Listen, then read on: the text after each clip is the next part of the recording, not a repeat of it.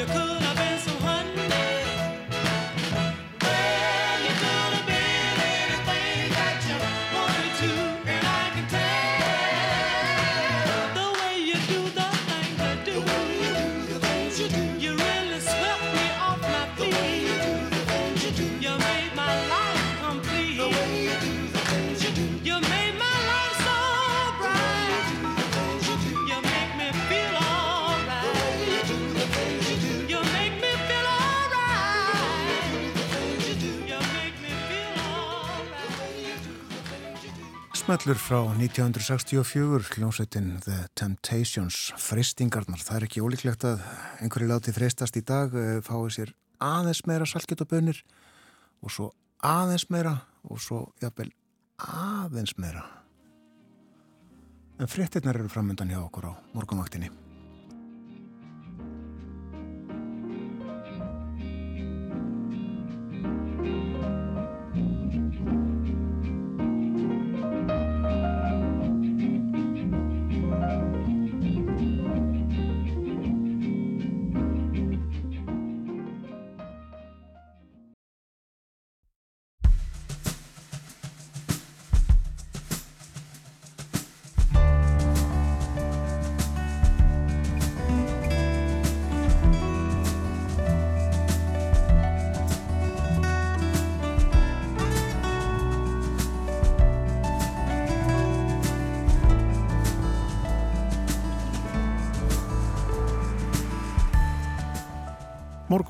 Helsar og býðu góðan dag. Það er þrýðu dagur 20. og 1. februar. Það er springidagur í dag og uh, kokkarnir sjálfsagt um það beila að fara að kinda undir pottunum fyrir háttegismatinn.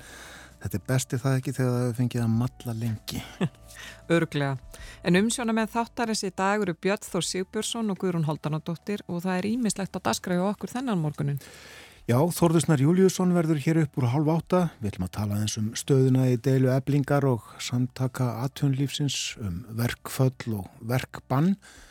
Við fjöllum líka um forstjóralaun. Þau eru alveg hreint lígilega há á sumum bæjum. Bankarnir verða líka til umræðu og flugfélagi play. og við höldum áfram um fjöllunum innrás rúsa í Úkrænu en á förstu dag veru liði ár frá því að hún hófst. Og Rósa Magnúsdóttir Sackfræðingur kem til okkar í dag og við ætlum meðal annars að ræða stöðu Pútins og líka Cox Pútins sem rekur enga herr þar og fangar skipa stóransess í þeim herr. Við verðum á sömurslóðum í Berlínarspjalli. Artúr Björgvin Bodlason segir okkur frá skiptum skoðunum í Þískalandi um hvort og hver mikinn stuðning þjóðverjar eiga að veita úkrænumönum. Þar í landi er svo skoðun raunar nokkuð útbreytt að hætta að byrja öllum hernaðastuðningi en þessi staði þjóðverjar að beita sér fyrir friði. Artúr verður hér með okkur eftir morgunfréttinnar. Veður horfurnar, Guðrún? Já, það verður fremur hæg breytilátt framann að degi í dag og stöku jél en það verður að snjóa austalands þegar líður á morgunin og frostið er yfirleitt 0-7 stíl en sítið snýst í norðvestan kalda eða stinningskalda en í kvöld maður búast við all kvössum eða kvössum vindi söðu austan og austan til á landinu og þá dreygur úr ofan koma þeim slóðum. En það verður úrkomi lítið við að skværi fyrramálið og það dreygur úr vindi. En þess að morgun þá er hins vegar vonan næstu lægð og snýst í sunnan 5-13 metra á sekundu og það hlínar með rigningu eða snjókum um landi sunnan og vestavert. Hálka á þæfingur almennt á vegum og jæljagangur sumstaðar segir í tilkynningum frá vegagerðin hennan morgunin.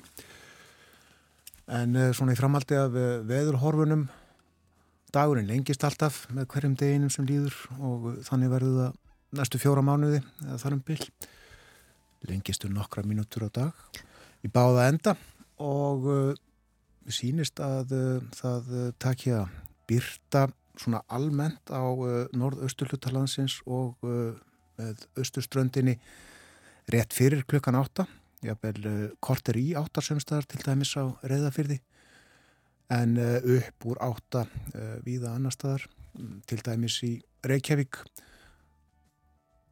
og annar staðar einhver staðar þar á milli. Já, þetta er rosalega gott. Þetta er bara opbúslega gott fyrir sálinna þegar maður, er, maður vaknar nánast í byrtu, allaveg um helgar, kannski ekki mér í viku. Og bara, það er við að sé komið að bara kvöldmatur þegar það fer að skikja aftur dásanögt. Verkvælsmál uh, til umfjöldunar á fórsíðu morgunbladsins sagt frá því að uh, félagsmenni eblingu samþýttu frekari verkvöld í gær að hvaða greiðslu laug þá og uh, niðurstaðan afgerandi. Og uh, stjórnendu fyrirtækja í samtökum atvinnlífsins þeir eru að kjósa greiða atkvæði um verkbannstiluguna og ég held að atkvæða greiðslu ljúki sítiðis á morgun. En á fórsíðu Morgunblasins er mynd af Haldur Jónssoni í melabúðinni með bakka fullan af saltkjöti. Saltkjöti tonnavís ofan í landan á sprengidagin segir hér. Og uh, í melabúðinni uh, voru rúmlega 700 kíló af kjöti sölduði í tunnur fyrir sprengidagin. Og uh, við búið þetta rjúki út. Skoða það ganni gamlar auðlýsingar eh, fyrir sprengidaginn og uh, það var mikið lagt upp úr því að uh, kjöti væri spíkfeitt spíkfeitt dilkakjött og Viktoríubönir auðlisti von.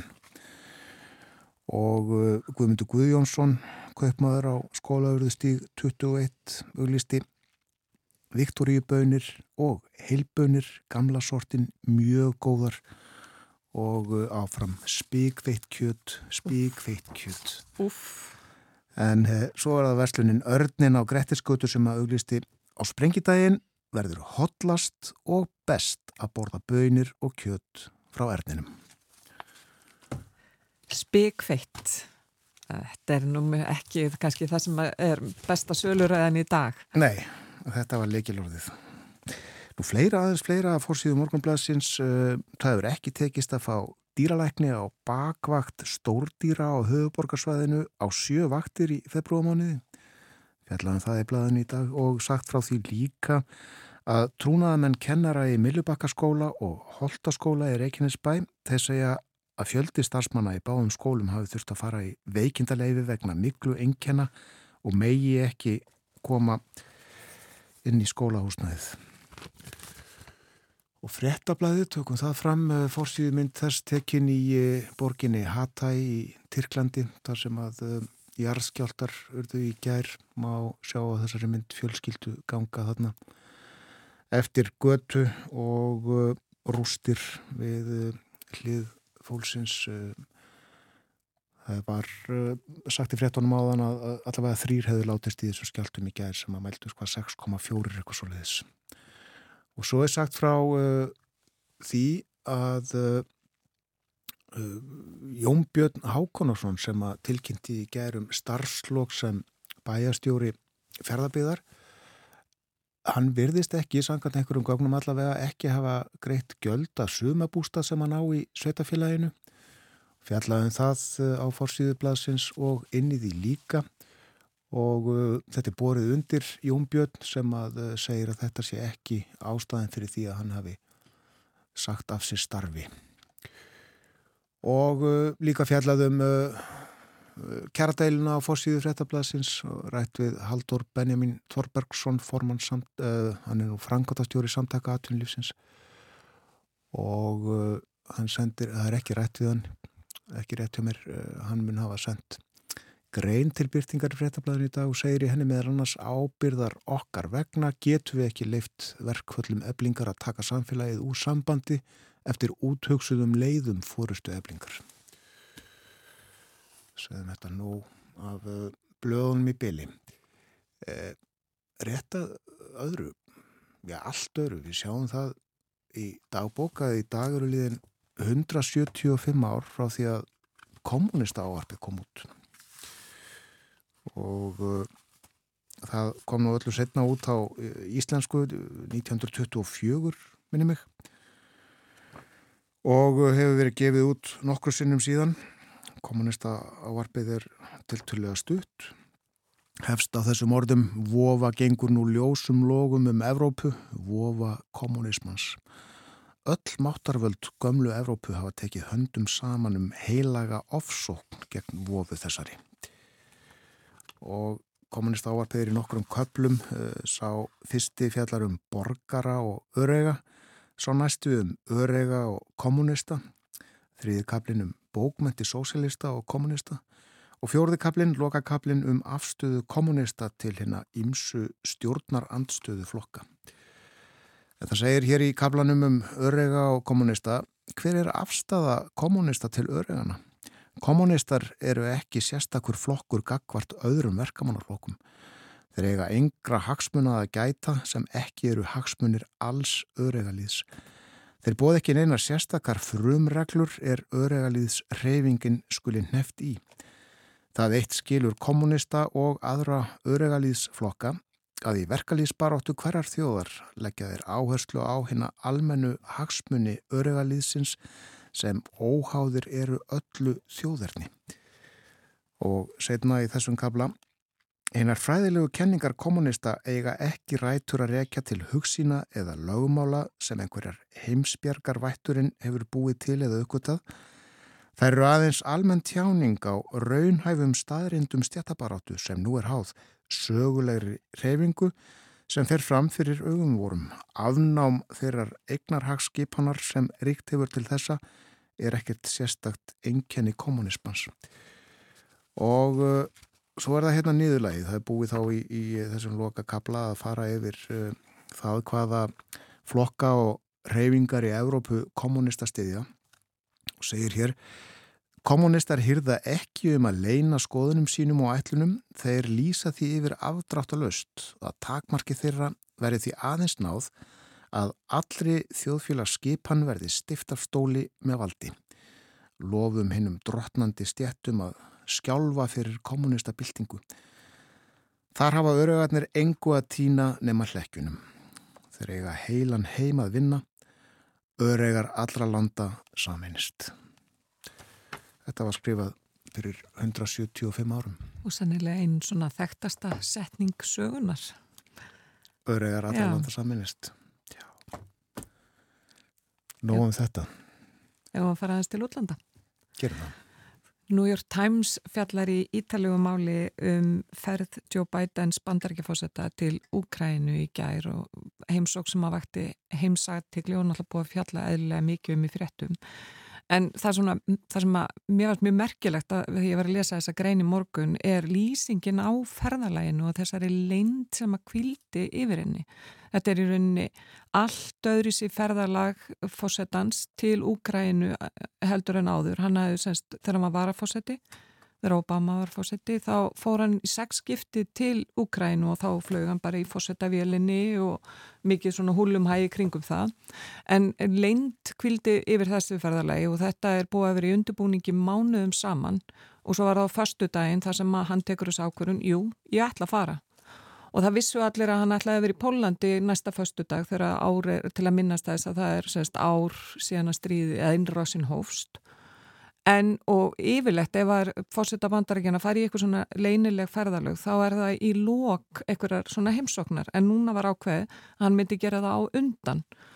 Og á lögadaginn þá fór hann bara í messu með Jill eiginkonu sinni í Georgetown háskólanum síðdeis og, og á sapn út að borða og þau fengur sér bara borðuðu eitthvað ægilega goðan ítalska rétt og fóru svo bara heimi kvita á sig og allir heldur bara heima að sofa en nokkru klukktum sér þá var honum lauma út á kvittahúsinu og farið með hann í eh, bílalest á algjörlega ómertri á lítinn herrflugvöll í Maryland þar sem að, hann fór með flugvél sem er ekki fósitavélinn, heldur minnivél sem er yfirleitt ekki nótunum í svona smerri eða stittri innanlandsferðir og er ekki svona mert eins mikið eins og venjulega þessi hefðbunna fósitavél og með í för voru nokkrir leinithjónustu menn og, og hátsettir einstaklingar innan eh, bandarska stjórnkerfisins og tveir bladamenn sem að urðu, sem að þurftu að sverja eigð á fastu daginn um að segja ekki neitt.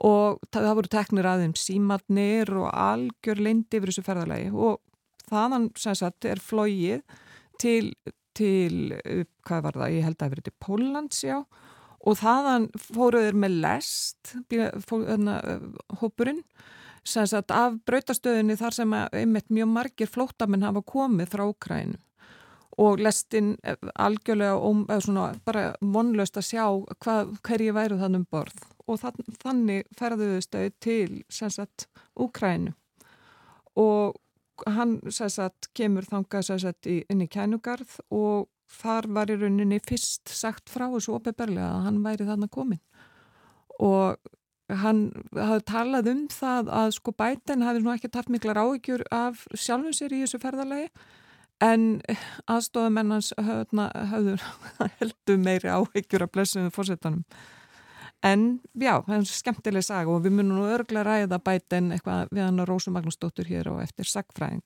Akkurat Rétt að uh, íslenskum stjórnmálum uh, þingfundur í dag uh, hvenar allir hann hefist hálftvö störð þingsins fyrsta hálftíman og svo ímis mál laga frumvörp en fyrir hátegi upp og klukka nýju þá verður haldinn opin fundur í efnaðs og viðskiptanemt og fundarefnið áhrif verðbólgu á hagkerfið og heimilin í landinu og gestir nefndarinnar fundarins verða Áskir Jónsson sælabankastjóri og Rannveig Sigurðardóttir Vara sælabankastjóri hún er Vara sælabankastjóri peningastefnu. Þessi fundur hefð sem sagt uh, upp úr nýju. Og uh, það er líka ríkistjórnafundur í dag og uh, Guðmundur Ingi Guðbrandsson félags- og vinnumarkasráð þeirra sagði í gær að staðan í eh, kjaradeilu samtaka atvinnulífsins og eblingar verði rætt eh, verkvöllin og þetta verkbann sem er yfirvofandi.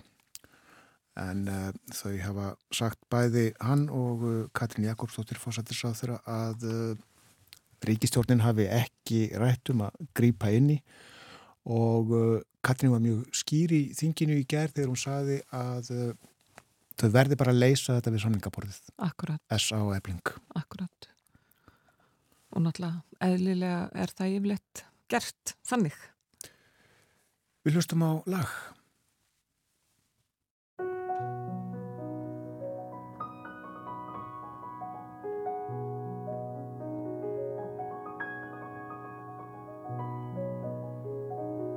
I get along without you very well.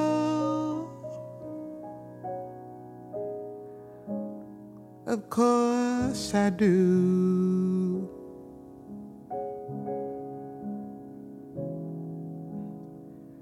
Except when soft rains fall and drip from leaves, then I recall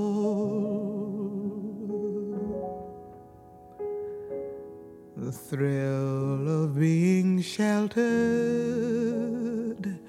in your arms.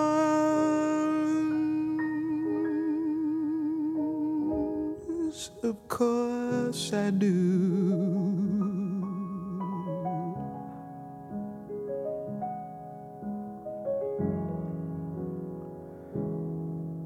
But I get along without you very well.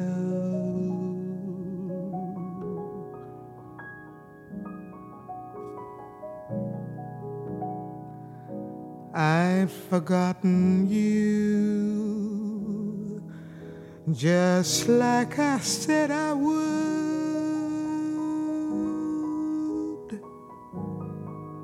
Of course I have. Well, maybe except when I hear your name.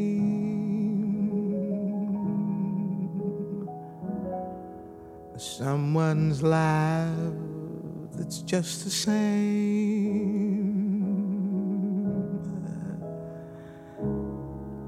I've forgotten you just like I should.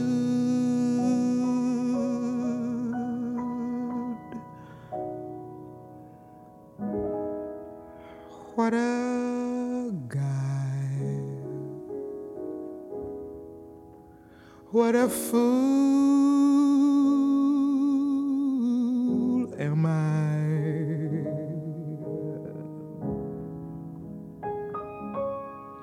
To think my aching heart could kid the moon.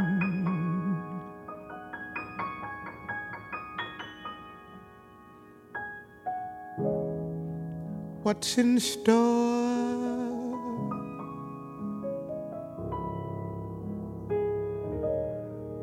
Should I phone once more? No, no, no, no, no. It's best that I stick to my tune.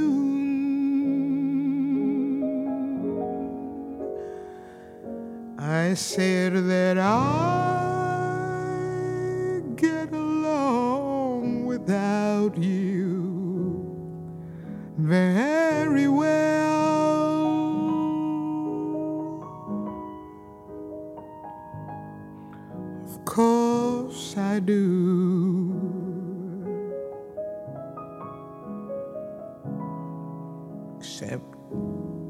perhaps in spring.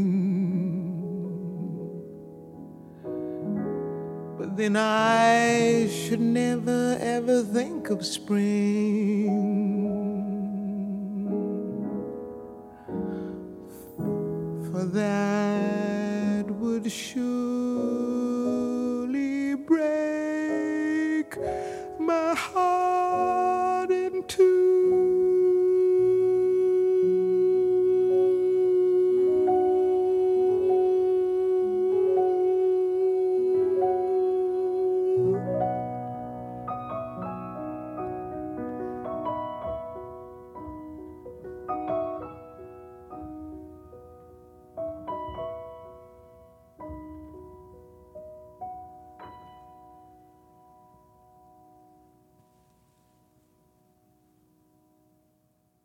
Söng Nína Simón fyrir okkur lagi I get along without you very well, except sometimes.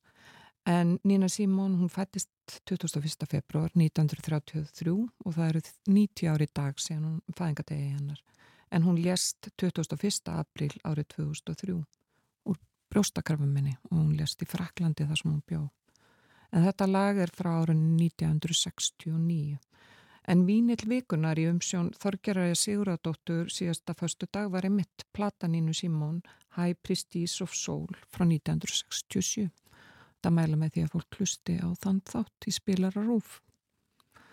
En ég var að skoða fleiri ellendafréttir og við höfum nú oft fjallað um heilbreyðismálinn hér á morguvaktinni og það er uh, sama sagan annar staðar í Noregi er verið að ræða um alvarlega stöðu og undim, undimönnun í heilbreyðiskerfinu og rætt við lækna á Akurhus háskóla sjúkrahúsinu sem er stærsta sjúkrahús Noregs þar sem að læknar óttast að bara afdrif sjúklinga vegna þess að þeir beða sér hennilega ekki að sinna þeim næjanlega og í Breitlandi voru ungleiknar að samþykja verkvælsbúðun en þeir eru mjög ósáttir við kjör sín og segja að þau hafi rýrnað mjög ekki síst vegna verbulgunar og í politíkan er að fjalla um nýja skýslu um láslagsmál þar sem að kemur í ljósa að staðan, já, það er bara þarf að gera eitthvað að leggja auknar álegur á, á landbúnað vegna losun og gróðurhúsaloftegunda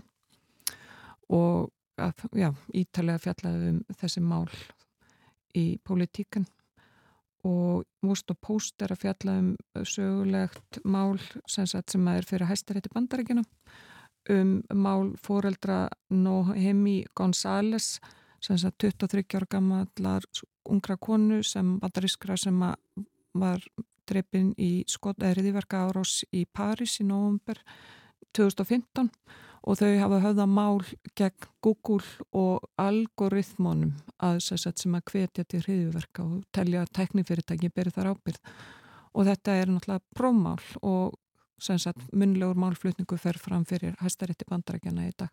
Það er áhugavert að fylgjast með þessu. Það stýttist í fréttaðiflitið þjá okkur hér á morgunvaktinni. Eftir það verður Þórðusnar Júliusson með okkur. Við ætlum að spjalla um ímislegt uh, forstjóra laun á Íslandi. Afkomuð flugfélagsins Play á síðasta ári. Við ætlum að tala um sammenningar fyrirtækja á fjármálamarkaði og ímislegt uh, fleira. Ég minni svo á að Artur Björgvin Bodlason verður hér í Berlinarspjalli eftir morgun fréttunar klukkan átta og uh, við ætlum að tala um stjórnmálinn í Þýskalandi og uh, ólika afstöðu í stjórnmálunum til uh, þess hvort að þjóðverjar eigi að stiðja við baki á Ukrænumannum í vörnum gegn innrás rúsa eða hvort ríkið og Þýsk stjórnvöld þá engum eigi að reyna að beita sér með einhverjum hætti fyrir friði. Það er tekist á um þetta í Þýskri þjóðmála umræðu þessa dagana og fleira allar Artúr Björgvina ræðaðum í dag. Og svo verður hér melli hálf nýju og nýju Rósa Magnúsdóttir, uh, sakfræðingur, prófessor í sakfræði. Já, og hún var einmitt með okkur fyrir ári síðan og fjöldum þá, þá rétt fyrir innrásina. En við ætlum að einmitt að fjalla um hvernig staðan er á þessum slóðum í dag og náttúrulega munum eðlilega að ræða heimsók bætans og fyrir að ræðu Pútins heldur síðar í dag. Merum þá eftir.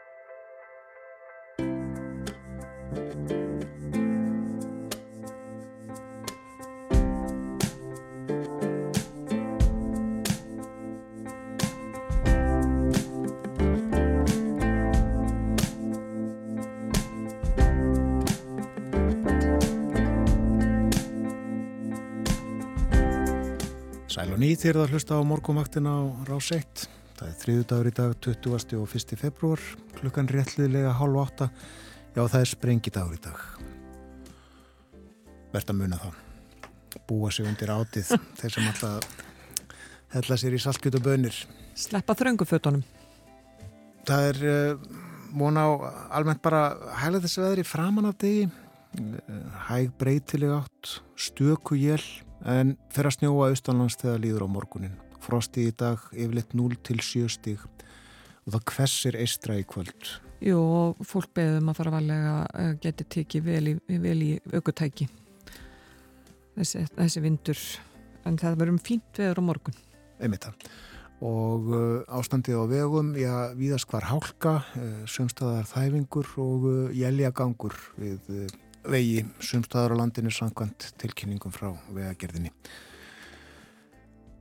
Þóruðsnar Júliusson, reittstjóri heimildarinnar er sæstur hjá okkur, heil og sæl, góðan dag Þóruður. Góðan dag. Eins og uh, ég farið yfir í kynningum þá ætlum við nú að tala um ímislegt í dag uh, meðal annars uh, laun okkur á forstjóra, við ætlum að tala um stöðumála hjá flugfélaginu Play og saminningar fyrirtækja á fjármálamarkaði En byrjum á ástandinu á vinnumarkaðinum í dag, um, það hefur auðvitað engin, mann e, eiginlega engin annað eins, þetta er ljótt ástand og já, ekkert útlitt fyrir að samningar takist í bráð. Eh, nei og kannski frekar útlitt fyrir það að staðan verði eh, mun verri ansi fljótt.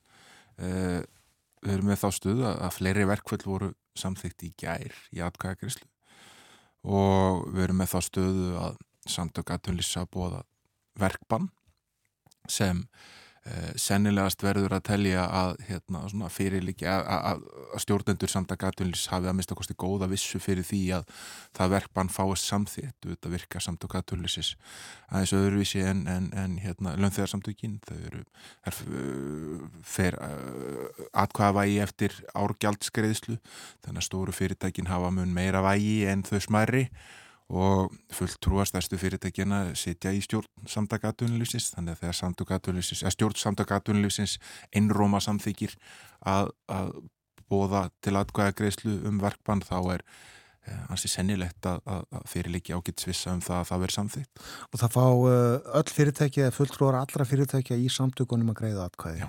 Samakortu eru starfandi í Reykjavík og samakortu eru með starfsfólk í eblingu rétt uh, og svo uh, kom svona uh, ný uppeyja í, í þetta allt saman í gerð þegar ebling, formar eblingagreindi frá því að, að félagsmenn mun ekki fá greitt úr sjóðum eblingar á meðan verkbæni stendur. Uh, og þá hugsa maður aðeins hérna þarna er um uh, þetta uh, ófaglegt fólk sem er að vinna í láluna störfum Uh, og má sennilega síst við því, einna síst við því af öllum hópum á Íslandi við því að vera tekjulaus í eitthvað tíma. Uh, sama tíma er allir helstu lánveitendur landsins búin að hækka vexti og greiðslubyrði uh, húsnæðislána fyrir þá sem eru með slíkt hefur stökkbreyst, það hefur áhrif á leiguverð og svo framvegis og, og staða, svona allar kannanir benda til þess að staða heimila heilt yfir síðan vest ansið Ratvísson, kunnun þjóðbúrskalup eh, nýlegans eh, sína það að það er hérna, svona hlutfall þeirra sem eru komin í vandara með þann á endur saman er komið upp í 18% og upp úr 10 bara á innan við ári eða 10 mánuðum.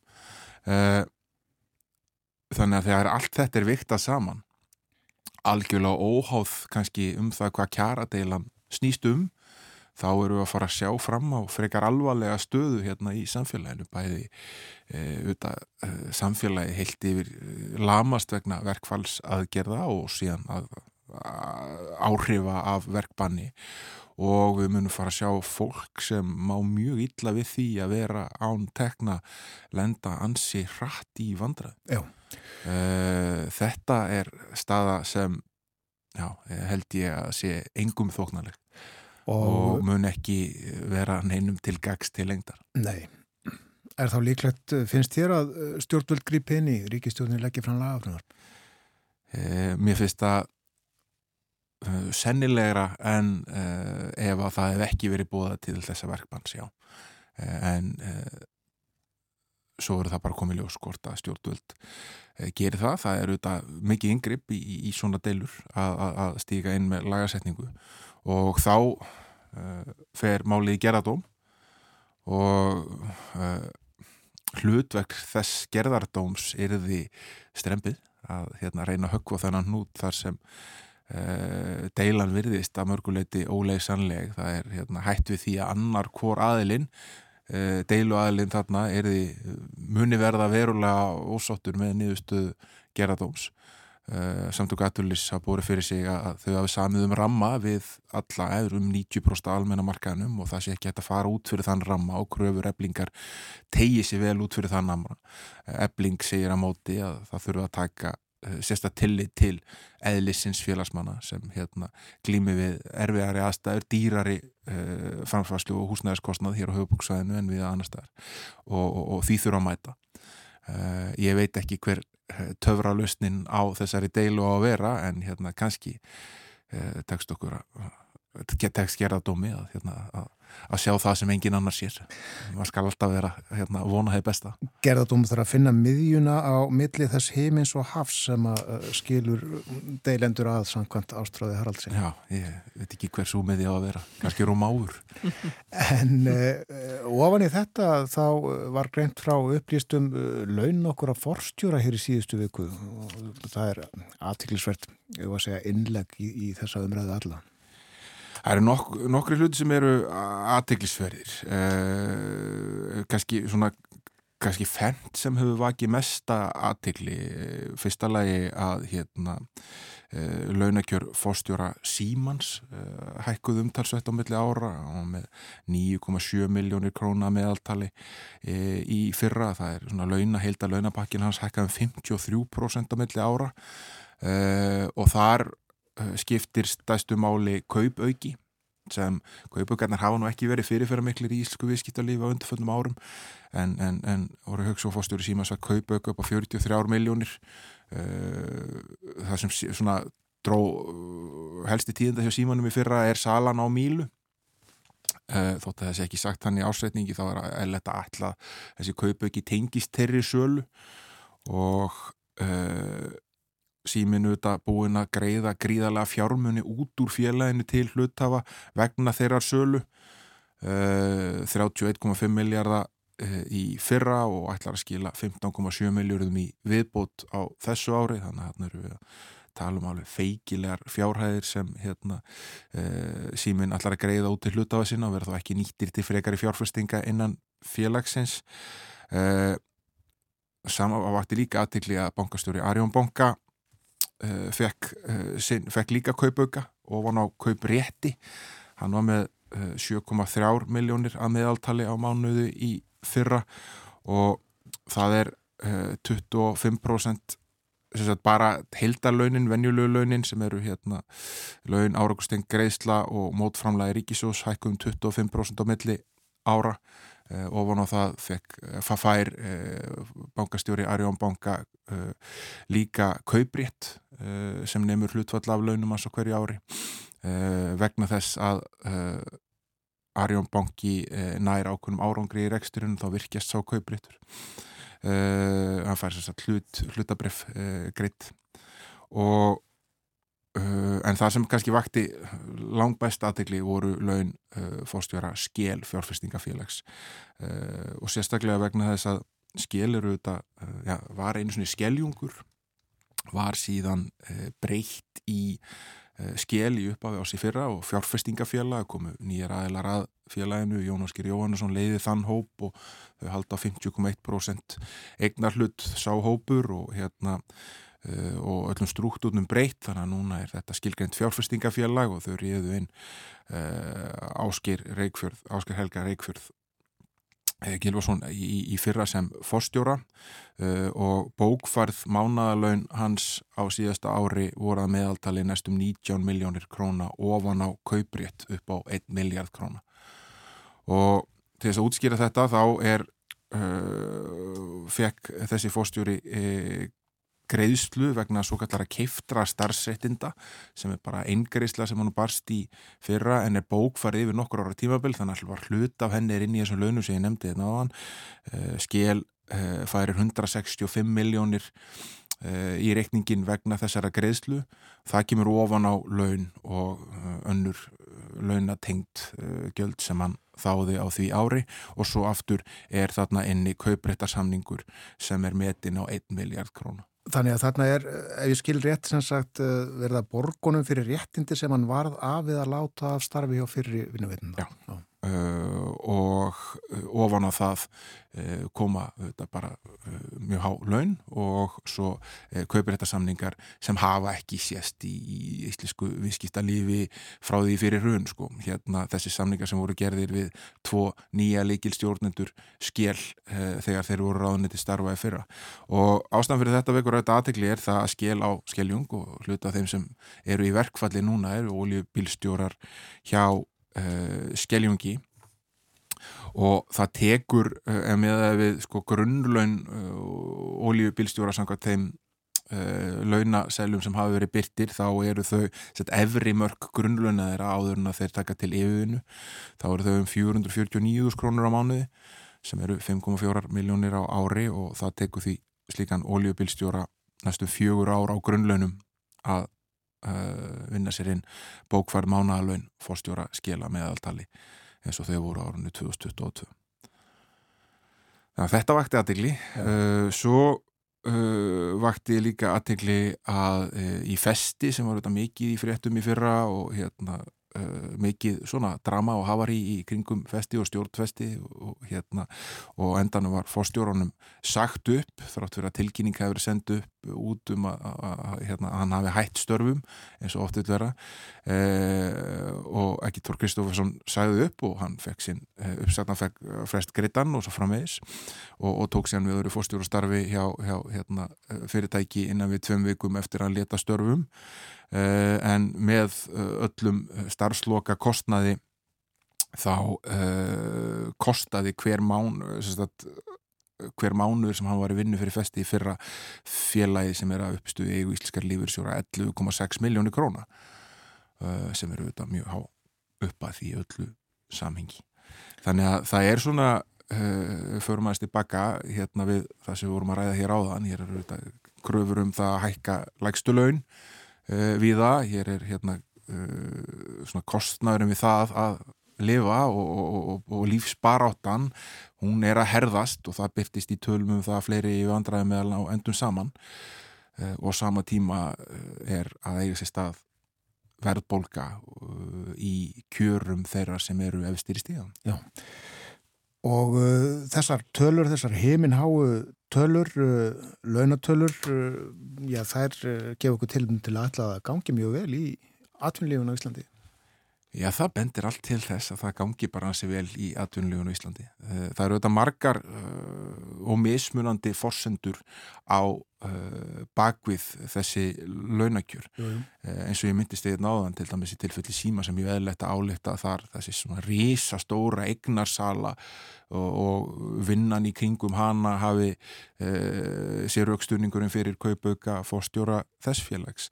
Hjá Arjónbanka hefur að greiða út eitthvað svona kaupauka eða eitthvað svona viðbútarlaun sem eiga rætu sinna að reykja til 2017 Uh, í skél er einfallega að vera að borga manni fyrir að skipta um vinnu. Það eru og svo auðvitað í festi er að borga manni fyrir að hætta í vinnunni sinni. Þannig að það eru mismunandi fórsendur fyrir þessu en hérna flesta þessu er svona kannski ja, umfangið er flestu venjulegu fólki uh, frekar fjalla Það er allavega til talsverði peningar við það en uh, það gekk ekki vel hjá Play, flugfélaginu Play á síðast ári. Nei og, og Play hefur eh, á tveimur árum uh, tapað næstu því tíu miljórum uh, eh, síðast ár var rekstra tapið tæplega átta og hérna en þau gáttu nýtt bókvært skattaleg tap þannig að hildartapið uh, kom út á 6,5 miljórum um, og mest var tapið á síðast ásfjörungi 2,4 miljórar Play reyndar mat tapið vegna ófararan og reykjara um 312 uh, miljónir króna. Uh, og það kom fram í sko ásækningnum að play fluttum 789.000 farþeg á síðast ári og ef maður deilir þessu tapi niður á farþegana þá er þetta svona tæplega 10.000 krónur á hvert farþega. En með að við ásloka gengi uh, bandarækjadal sem er uppgjörsmynd uh, þannig að tapið ykst umtalsvert á milli ára og uh, það er hérna þegar uppgjörðið var byrt fyrir 2021 þá var sérstaklega tekið fram að, að, að stjórnundu play vonuðist til þess að það er byggustu því að það er rekstar hagnaður á síðar hluta ásins 2022 og sérstaklega var tekið fram að það eru engin áform uppi um það að auka hlutafið og þetta gekk ekki eftir að var tap á reksturinnum á síðar hluta ásins og, og, og play þurft að leita til hlutafa sinna um hlutafjörökningu upp á cirka 2,2 2,3 miljardar króna núna í lok síðasta ás til þess svona að eiga frekari bóru fyrir báru til þess að takast á við, við þetta ár. Ef að hlutafjárvækningin sem var hérna, sem stærstu hlutafarplay lögðu til hefði ekki fengist þá hefði handbært fyrir og play verið komið nýri réttur umlega 20 miljónir bandarækjadala, svona 2,9 miljardar króna um síðustu áramót. Og ef þú máta það við við hérna tapið á, á þessu ári, eða á síðasta ári þá og, og, og myndi ganga út frá því að reksturinn var í svipuðu horfi þá myndi það hann bara fyrir ekki duga mjög lengi. Nei. En eh, fórstjórun er mjög björnsitn að það ekki verið þetta ár? Jújú, jú, þeir er alltaf bætað í og, hérna, og gera meira uh, og alltaf að högva skarði markaslutild æslandir um, og það eru við, bara, við vitum það ekki fyrirfram hvort að það er áallanum að ganga eftir ekki en margarinn að minnst kosti brástu uppgjöri plei með þeim hætti að hlutabriðin lækuðu skart eftir, eftir að, að uh, tilkynnt varum uppgjöri En þessari helstu eigundu félagsins er það uh, menn og sjóðir og fyrirtæki með djúpa vasa? Um, Já, já, já, það, þarna eru uh, stórir enga fjárfestar hérna, uh, sem eru stærsti einstakki eigandin og, og margir á meðal svona hérna 10-20 eh, stærstu eigandana eru stórir enga fjárfestar en þarna eru líka lífyrirsjóður Birta lífyrirsjóður til dæmis næstæsti hlutafinn með 9,4% hlut. Þarna eru uh, eins og fjárfestikafélagi stóðir á, á hérna 6,3% hlutstóður eru þetta gríðarlega stórt og stert fjárfæstikafélag eh, stærsti enga fjárfæstir stærsti eigandi Símans og stærsti enga fjárfæstirn í Arjónbanka stærsti eigandin er, er, er félag sem kallar sig leika fjárfæstingar og innan þess hóps eru meðal annars Einar Örn Ólásson stjórn og fórmæður play og, og, og fleiri. Þannig að hérna þarna eru ymsir sem geta lagt til fyrir eignarasfélagi Mata sem hefur verið mikið í umræðinni meðal annars eigandi almenna legufélagsins uh, eða Ölmu uh, þeir eru hérna líka. Þannig að hérna uh, það er alveg auðvitað sá möguleiki fyrir hendi að sækja mér að fyrir ef, ef með þarf. Mm. en áallanir plei ganga ekki út á það. Þegar telja að sé bjartari framöndan og, og maður verður þetta að vona svo verið Já Mikið rétt. Eh, við höfum fjallað hér í þættinum í tvígang líklega um eh, þessar samningavirðaður sem er í gangi myndli Kviku og Íslandsbanka. Í síðustu viku bara svo fréttir af eh, öðrum samningavirðaður sem eiga sér staða fjármálamarkaði. Já, nú á að, hérna, að skoða e, saminningu Vís og, og Fossa sem eru fjárstyggabanki. Um, og uh, þá komum við aftur kannski að einu aðrið tölum hér fyrir sko, stæsti uh, skél fjórastikafélagi hefur að byggja upp mjög sterkast stöðu í vís og hérna margir sem draga línu þarna á milli að, hérna, að áhugi þeirra fjárfesta sem eru orðinir ráðandi í skél uh, íti undir áhuga á því að verða hérna, saminningar á, á, á fjármálamarkaði og, og þannig að hérna, þess áhópur uh, verði aftur uh, eigandi í virku uh, fjármála fyrir, fjármála fyrirtæki tringafélögum eru þetta svona settar ákveðna skorðu þegar þau eru að starfa einu og sér en hérna með fjárfestingabanka hluta þá verður til svona öðru í skefna Vísuðu þetta þetta stærð en uh, fossar, ég er ekki, vissum, ekki vissum að allir þekki þetta. Fossar er raunverulega uh, bara svona fjárfæstíka fyrirtæki sem hefur vaksið í gegnum uh, það að vera þjónusta hinn og þessa á undarföldnum árum og, og er komið með fjárfæstíka banka leifi uh, og er metið í þessum viðskiptum á 5 miljardar sem mun tryggja það að hluthafar fossa fá um 13,3% hluti í saminuðu félagi ef af verður. Og það eru margir sem hafa reykið upp stóru augum með það finnst þetta ansi hátt metið uh, og hérna það verður bara aðtilsvett að sjá hvað kemur út úr þessu en hins samruninu þetta síðan er, er Kvika og Íslandsbóki sem er mun stærri. Akkurat, fylgjast með þessu. Ljúkum þessu á uh, niðurstöðum tröskonnar í samfélaginu. Uh, þar voru byrtar í síðustu viku borgastjórn Reykjavíkur í ferlegum málum trösti bara við frostmark en um, það kemur í ljósa að það hefur dreyið uh, aftur úr trösti á bankakerfinu. Já, uh, borgarstjóttur Reykjavíkur hefur auðvitað reykið lestina í þessum tröskunum í mjög langan tíma hérna, þannig að það er svo sem þótt að það séu auðvitað ótrúlega að sjá hver tölurnar eru fyrir, fyrir stjórnkerfi hérna, svona eins og borgarstjótt Reykjavíkur er þá, hérna, þá kemur það ekki óvart að þau er ekki lestina, það hefur gert í mjög langan tíma. En Eh, það sem vekur mest mik mikla aðtikli finnst mér er að, hérna, að tröst á, á bankakerfið eh, dregst aftur saman eh, dregst um 5% stíg á milli ára og er orðið eh, já, ansi látt hefur ekki verið lengri svona látt í, í tölunum tíma og eh, tröst á Sæðlabankan hefur líka verið að falla ansi skart. Það jógst gríðarlega þegar Ásker Jónsson tók við sem Sæðlabankastjóri 2019 uh, og það var svona, það var gaman. Það var hérna, það voru peningar og ódýrir og hérna og fólk að tekið eh, mjög ódýr lán á nafnvöxtum og breytileg lán. Uh, og uh, 2021, í byrjun 2021 var það bara tvöfaldast frá því áskil tók við ákomið í 62% síðan hefur, hafa aðstæðu breyst og við erum með verbolgu og við erum með uh, dýrari lán og allt þetta. Og Uh, samhliða hefur einfallega tröstið á sælabókan uh, hrunið aftur að nýju en núna komið uh, undir 40% eða 39% sem er aðeins ennþá yfir því sem það var áður en að áskil tók við en, en er þá komið á svona þessi svipa aðslúður Tristur auðvitað ekki manni sem er alltaf að hækka lániðin? Nei, það verðist vera beinlinu tenging þarna á milli og, hérna, og þegar hlutirnir svona verða erfiðari í samfélaginu þá, þá, þá mingar tröst á sælabanka, þá mingar tröst á bankakeri og svo auðvitað á alþingi sem er komið með sér 11% stíg á milli ára og er komið nýri 25% tröst sem verður að segjast er ansilótt. Þetta er auðvitað mjög slemt og séum að, að, gera kannski smá grín hérna núna það skiptir máli að fólk treysti þessum stofnunum.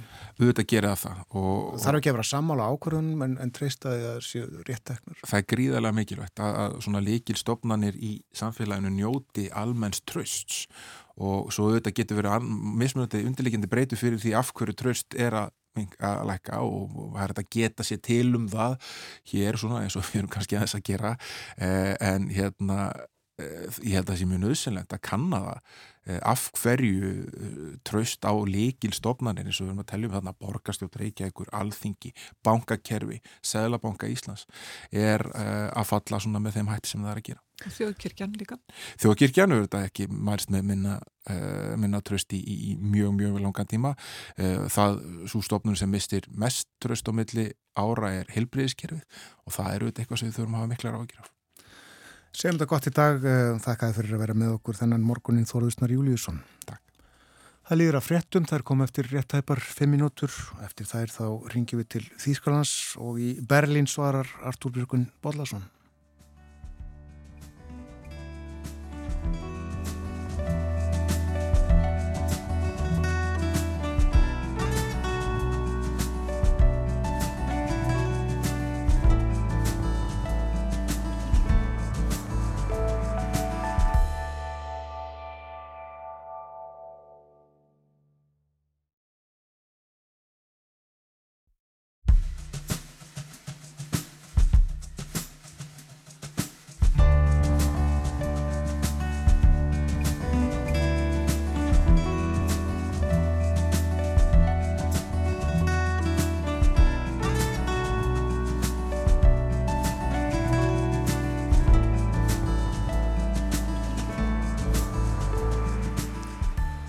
Sæl á nýtt þér að hlusta á morgunvaktina á ráseitt. Umsjónumenn þáttanins þannan morgunin Björn Þósig Björnsson og Guðrún Haldanadóttir og við fylgjum ykkur í tæpa klukkustund til viðbótar. Minnum á að við fjöllum um innrás rúsa í Úkrænu hér upp úr hálf nýju. Já, Rósa Magnúsdóttir, professor í Sackfræði við Háskóla Íslands kemur hinga til okkar og við tökum þá fyrir hvað hefur henni verið að gerast á undarförnu, einhverjum sér í lagi. Og uh, það má líka á efniskránu hjá okkur í Berlínarspjalli við erum komin í samband við Artur Björgum Bóllarsson. Góðan dag. Góðan daginn. Góðan daginn. Já, við ætlum að byrja á þessu máli sem að talsvert er uh, fjallað um og hefur auðvitað verið uh, gert í þýskri umræðu í heilt ár. Jújú, það er rétt, þetta er náttúrulega búið að vera mál-málana hér alveg frá því að rúsar hefðust inn í Ukræni fyrir árið síðan, rétt tæpu og, og það má segja að, að, að flesti séu á því hér og sjálfsagt í öðrum Evrópulöndum að þessi innrás hafi valdið svona ákveðum strömmkörfum í lífi Vesturlanda búa og menn hafa verið að benda á eftir að þjóðarleitt og Vestur-Evrópu hafðu jafnað sig á áfallinu sem að innrásinn olli í mörgum rannið þá hafi þjóðurnan verið að ná vopnum sínum í orðsins fylgstu merkingu og það hefur reyndar verið ábyrjandi hér að, að þjóðverið heldur Þískarans kanslari og flokksbræður hans í jafnaðamannaflokknum Eh, þeir voru lengi vel híkandi við að eh, verða við þeirri kröfu að senda Úkrænumönnum vopn. Og eh, það er nú kannski að mörguleiti skiljanlegt því að veist að leginu rétt að nefna því marga ára tugi eða allt frá dögum Vili Brands og Egon Spar þá hefur það verið yfirlýst stefna þýskara stjórnvalda að halda í lengstu lög friðin við rúsa og Merkel, Angela Merkel er ju að því öllum árum í sinni kanslara tíð að, að efla og trista þessi tengsl við Putin bæði politísk og efnaðarsli tengsl og það þannig ekki að fara mikið út í það. Það kom nú þjóður svolítið í koll eftir að einlega sem við gerðum og þess nýru stefnur úr summen en það var þess vegna verkuleiti skiljanlegt að, að Scholz kanslari skildi vera tregur til að fara í hart við Putin um leið og hann létt verða af því að ráðast í núkæðinu Hins vegar uh, hafa margir uh, snillingar bent jú líka á að málinn hafa tekið, eða það voruð ímsar vendingar frá því að Pútin reðst inn í Úkræðinu fyrir árið síðan. Bæði hafa samstarflokkar Ólaf Scholz í Þísku ríkistjóðinu, það er að segja græningar og frálsveit demokrata verið hlindir því að þjóður að sendu ekki bara hlýðuraföld og hjálma til Úkræðinu, heldur líka hergöpp sem að nýttust Úkræðinu verið við stríðinu við innrásar hér rúsa og Annað sem á nefna og veldur ákveðinu tregðu sögverið til að taka þátt í stríðs átökum í Evrópu. Það er einfallega söguleg arfleg þessara þjóðar því að uh, allt frá því að Þískaland var uh, jörs sigur að bandamönnum og rúsum í setni heimstyröld, setni heimstyröldinu þá hefur það verið yfirlýst markmið uh, Þískara stjórnald að halda sig algjörlega utan við hernað af öllu tægi og eh, sem dæmi má nefna og skipt dæmi um það er svo stærnd að, að þýskir hermenn hafa hvergi tekið þátt í árásum uh, í heiminum þó að þeir hafa verið sendið til að stilla til fríðar eða heldur að koma í veg fyrir átök á einsum ófríðarsvæðum mm. og þá er við þetta umbóðið NATO eða saminuðu þjóðana en þetta tvennsens að tengslinn við Pútín og arfleð sögunar hefur dert sögur en svolítið erfitt fyrir að, að, að geysast fram með einhverju hernaðalugum uh, bröldi uh, þegar það kemur ákveðnistíðinu og á síðustu mánuðum hafa svo þísk stjórnmætt aftur á móti verið að láta undan þrýstingi bandamanna sinna, bæði í Evrópabandríkjum og, og fallast á að að láta Úkrænum en frá þungavop sem dæmi má nefna Leopold II skriðdregarna sem að manni skilst að séu mjög öflug víkatól og, og uh, þeir hafi hins vegar staðið mjög fast í fætu þannig að þeir kemur að því að senda orðstöður til Úkrænu eins og Ukrænumenn hafa beðum og, og eh, var kvallega óskað eftir. Og svo er annað sem má kannski nefna. Þetta er nú stjórnvöldin en, en kannanir hér í Þýskalandi var að þessu hugþýsku þjóðurinnar í þessu máli þá sína kannanir hér að meiri hluti þjóðverja er tildurilega sáttur við afstöðu sjálfskanslara í má, þessu máli þannig að uh, það var konung gerðs fyrir skömmu sem, að, sem kom fram að 40% þýsku þjóðurinnar eru sátt við að þjóðverjar haldi uppteknum hætti, það sé að gangi ekki lengra en þeir hafa gert í að útvöða uh, úkræðinumönnum stríðstól. Og 30 hundraði sögust vilja að því stjórnvöld stittu Úkrænum en betur, það er rættiklust að tala líka, heldur þeir eru gert, og svo er það 23% sem vilja að að blandi sér minna í stríðið en þeir verið gert til þess að það er fjörðungurinn og í þessum síðast nefnda fjörðungi eru tvær þekktar konur hér Alísa Schwarzer og eh, Sara Wagenkneitt sem er kannski náttúrulega til að minnast aðeins á líka. Já, segð okkur frá þeim.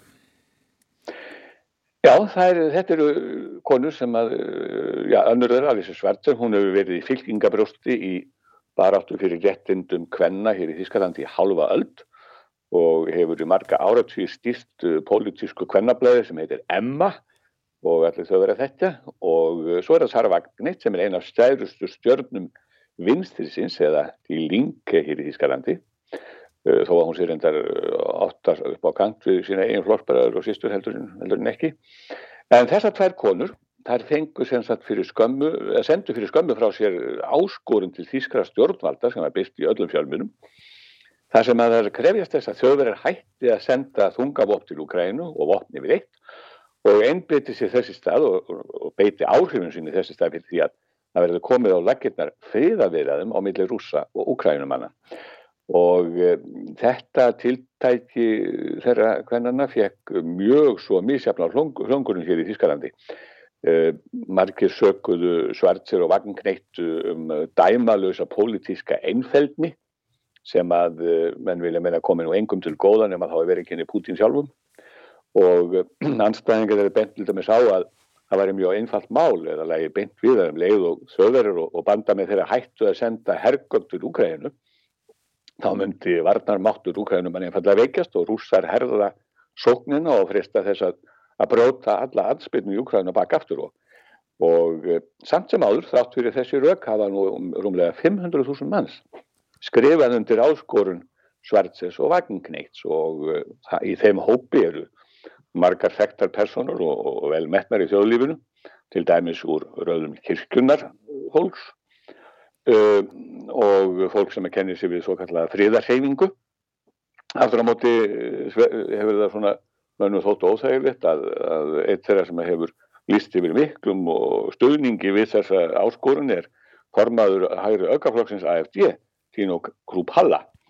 Já, hann er búin að láta í ljósi mikla ánæði með þessa áskorun og, og það er nú svona, sko, þegar að fórustumadur alternatífi fyrir Deutschland stýður svona fríðar viðlætni eins og það er kvöldlega, þá, þá leggst það þetta illa í marga og, og nú býða menn reynda spenntir eftir því hverjir mæta á útifund við Brandenborgarlíði hér í Bellin sem að uh, Svartser og Vagenkneitt hafa bóða til um næstu helgi. Það verður grann fylgst með því hverju þánga að koma og uh, þá verður náttúrulega kemur í ljós hvort að þessi áskorunum fríðarviðræður hellur í krami hjá nínasistum og, og svona auka hópum á hægri vennum eins og þessi stuðningur grúpalla bendir nú til og þetta er svona Þetta eru óþægilega hlýðan á þessu máli en auðvitað hafa menn hér þungar ávítur af vinsu og, og það, það kemur fram í þessari áskorun þeirra hvennanna til stjórnvalda að eitt af því sem er óttast er að uh, Vladimir Putin gerir alvöru úr þessari uh, hótun sinni að uh, fara í hart og verður sér vesturlönd að fara í hart við hann að þá, þá mun að beita kernavopnum og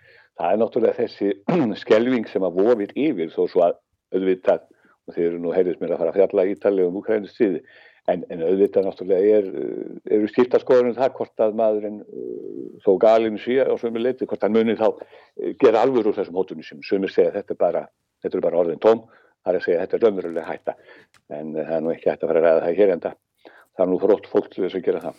En hann hefur líka hótað þessu áður og það hefur náttúrulega ekkit eðlilega ekkit orðið úr því En, en hvað með Sjóls? Eh, hvað segir hann yfir þessari áskonum þegar að tekja? Hefur hann tjáð sig? Hann tjáð, nei, hann hefur ekki tjáð sig um en það svo sem uh, ekki við því að búast en hins vegar hafa eh, menn úr ríkistjóninni látið í ljósi, til dæmis úr græningafloknum, ráð þeirra þeirra hafa látið í ljósi og næju og, og hérna ef að semtur um áskorunar þessu tæju og bent einfall á þann að Berbok sem hefur gengið svona fram, hún auðvitað ekki Uh, Anna-Lena Berbok, hún er svona talsmaður ríkistjórnarinn að segja í þessum málum.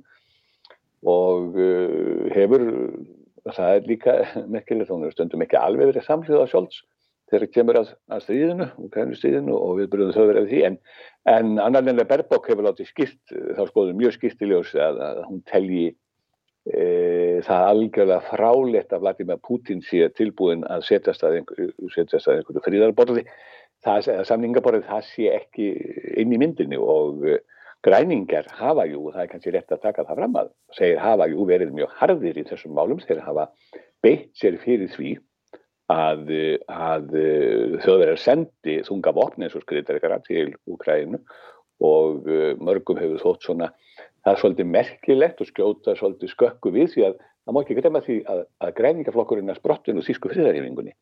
Þess vegna er náttúrulega eh, innan hans og meðal yngri félaga í greininga, greininga, greiningaflokknum þá er svolítið kursona menn, menn vilja að, að græningjar eða fórustum með þeirra gleimi ekki alveg rótónum og í það minnst að íhugi hvort það sé ekki eitthvað annað ráð til eða einhver önnur ráð til heldur en að vera alltaf að, að, að senda þungavopna á, á výstöðunar. Þannig að þetta er svolítið viðkvæmt máli þeirra flokki.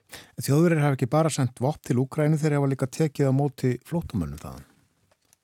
Ójá, það er gett mikið að því og það veldur tölur um áhengjum og ég held að það er eina ástæðinu fyrir því að að svona margir eða fleiri kannski áður eru fannir að, að svona efastlum ágætti þess að þjóðverðar uh, séu að taka eins mikið þátt í styrinu sveitir eða meiri því að e, það er orðið svolítið vandamál og margar komur eða þessu mörg héruð hér í Þískarandi eru fannar að enda í vandræðu með fjöldaflótamanna þegar það komið hér í stórum stíl og þjóðverðar hefur við staða já, eitt af land sem tekið hvað flestu flótamannum undan í skilinatur af Póland og nágrannar úkrænumanna En þetta hefur, þetta er þungur baggi fyrir margar komúnur eins og sagt er, eða mörg, mörg héruð, mörg sveitarfjölugum en það þetta, að, að, að kosta þetta og það hefur verið ágærinningur það hvað ríkið er taka mikið þátt, ríkið er alltaf þess að, að sveitarfjölug er enda að svona axla þessa ábyrgin líka sjálf, en e, þetta er vandamál og það er víða sem að kurri hefur komið upp og það er alltaf þannig þegar flottamenn, það, það, það kemur upp gremja um að þeir fá í frekar húsnæði heldur en þeir sem að heldur en heimamenn og svo fóði. Þetta er snúið mál og hefur aldrei mörgum ávíkjum. Já, og þetta er rétt víða svo sem. Eh, það líður að ástíðaskiptum í Þýskalandi, það eru fjórar ástíðir þar eins og svo víða, eh, sem ég segja nú að séu ekki fjórar ástíðir á Íslandi, en eh, þið hafið haust og vetur og, og vor og sumar, þið hafið líka fymtu ástíðina, það er alltaf að tala um það.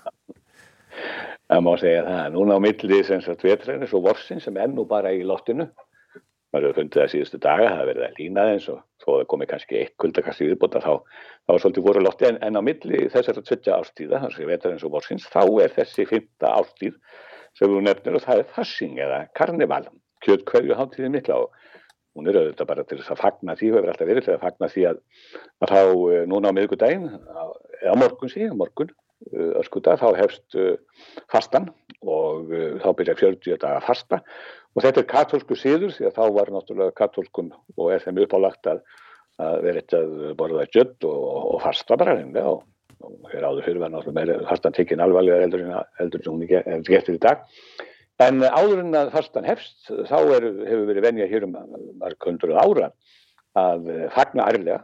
Og það er þetta fastnakt eða fassing eða karnival og eh, höfuð við þessa karnivals, mikla karnivals þessa kjöldkvæðu hátíða kjöldkvæðu kvart að þá er það er náttúrulega í rínadölum og Köln er eiginlega miðstöð karnivalsins eh, það er líka mjög mikil hátíð haldinn í Mainz og þetta eru skrúðgöngur sem eru undirbúnar í heilt ár og eh, þessar skrúðgöngur hafa ekki getað átt í stað síðustu tvö árun vegna faraldusins þannig að það hefur mikil kæti núna að loksins skildi karnivalið aftur geta færið í gang. Og eh, í Köln var núna í gær á Rosenmontag eins og Bolludagur hittir hér eh, að þá var haldinn gríðudarlega mikið skrúganga og þetta eru sko, maður verður ímyndað að segja þetta eru vagnar sem eru dregnið eftir göttunum, stóru og mikil vagnar Já. og uh, fólk í, í búningum, þetta er svakalega mikið af búningum sem eru dett fyrir þetta og fólk er í hinnum ímsu búningum uh, sem eru búinir sem hermenn og aðrir eru búinir sem uh, trúðar og svona meðir og á vögnunum er, er svona ádeila, svona heimsádeila af svæstnasta tægi og það er sko engum hlýft og það var mjög áberðandi núna, það eru búin til svaka miklar stóra stittur af fólki sem hefur verið áberðandi og ástæða til þess að, að taka taka á beinið í bóstöldur mekkingu og uh, þar var einn maður náttúrulega á mörgum vagnónum í reysa vaksinni mynd og það var Vladimir Putin eins og gefur að skilja. Á, einni, á einni, einu vagninu var hann í svona 2-3 metra starð, 3-4 metra starð myndi ég segja. Það var hann hakkandi mannarkjöld sem slátaræði og í annari á öðru vagninu var hann baðandi sér í risastóru baðkari sem var fullt af blóði sem göðsæðist upp úr baðkarinu og enn einum vagninum var Vladimir Putin og það sínum nú hug, hug, hug hljóðverðar til hans og og þessa stríðs, þá var hann að kissa sjálfan skrattan eða miskarhafingir á munnin og hann eh, sáðu líka íranskir bælar vera með svona sviðbljóti síðgæðisverðið með blóðuðar sveðjur yfir höfðum ungra kvenna. Og uh, svo var svona bara græningetur og líka tekník á beinið innanlands uh, var hann átturilega líka. En, en þetta er sem sagt harkaleg og miskunarlegs heims ádela sem þarna kemur fram og þetta er ekki bara fjör en auðvitað er gleðskapurinn líka í alglemi og þarna drekka menn ekki bara mjölk, kúa mjölk, heldur líka einmitt annað, gáls, eins og Kölnabúa kalla það. Já. Og uh, það er mikil drikkur sem að, hann er sopinn úr litlum glösum en, en mörg glösi tænt á þessari áttíð. Það er með það, fymta ástíðin. Færiðu saltkjöt á bönir í dag? Nei, því miður. Ég er ekki, ég er reyndar á herður, sko, er á herða reyndarpartinu í dag, er ég á til Prag, þannig að ég verði í Tjekklændi næstu daga en ég held að tjekka sér ekki með salkjöldubönni, það er eitthvað annað sem er bara það. Já, ég fann til lag, Artur Björgvin, sem að uh, mun óma í Þýskalandi víða í dag. Ójá, og gerði það ekki síst í gæri, það, það er lagið, það er vantanlega lagið Viva Colonia með Kölnarsveitinni frægu í Hunner, sem er eitt af þekktustu farsing eða fastnagt lögum Þýskalands og alltaf spilað og sungið á áháttíðin í Köln og var glund í öllum kránum í Köln í gerðkvöldi þar sem að mennur svona á vakna sjálfsagt heldur í mísöfni ástandi og þreyttir mjög en þetta sá dagur í dag í Köln þar sem að flestir melda sér veika. Það er einmitt það. Takk að kellaða fyrir í dag. Takk sem er leiðist. Já, uh, líklegt að einhverju séu þunnir í Þýskalandi þennan morgunin en uh, við hér erum uh, hress og hlustum á þetta lag. Það fer rólega stað en svo taka nú leikar allt til þess að æsast.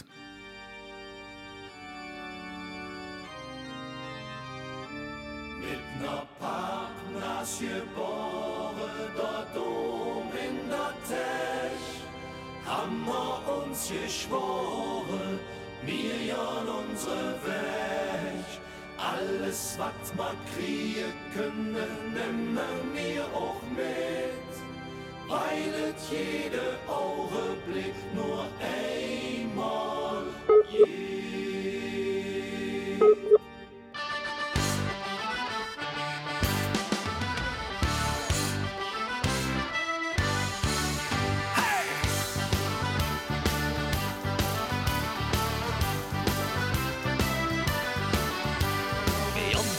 50 und wir jungen zum KIC. Wir trinken jene Gölsch und wir fahren KVB. Henkel Menschen Milovic, bei uns ist immer ja Glas. Wir vieren jene Jahr auf Beine Floß. Warte doch Gas.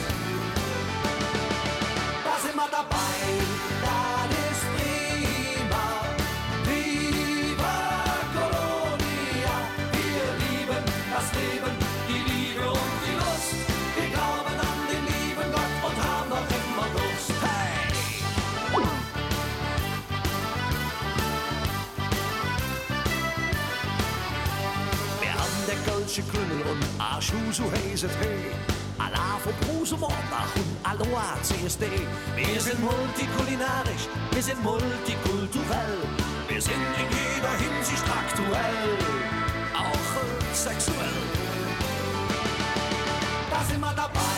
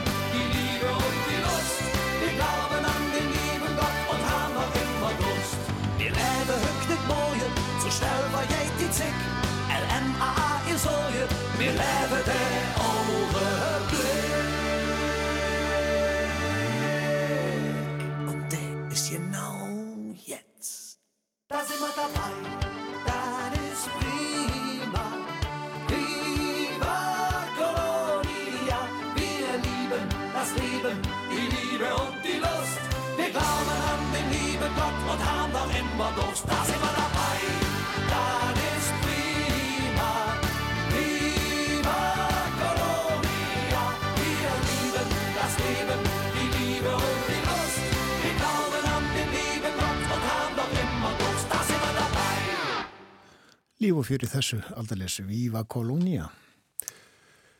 Mikið stuð. En við eigum svo vonaðinu Rósa Magnúsdóttur til okkar hérna eftir frétta yfirleitt klukkan hálf nýju og við munum ræða áfram um málefni Úkrænu.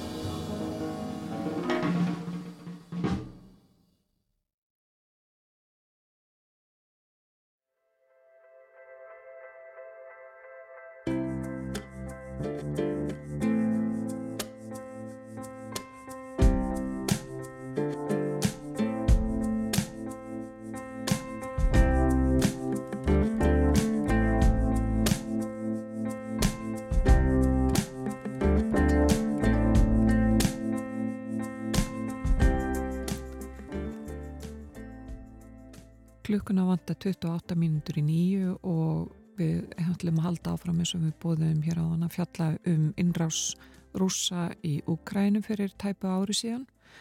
En eins og við sögum frá á þann að þá kom Joe Biden fórseti bandarækjana í óvenda heimsókn til kænugars í gær og þetta er fyrsta heimsókn hans til Úkrænu frá því að stríði hófst fyrir tæpu ári síðan.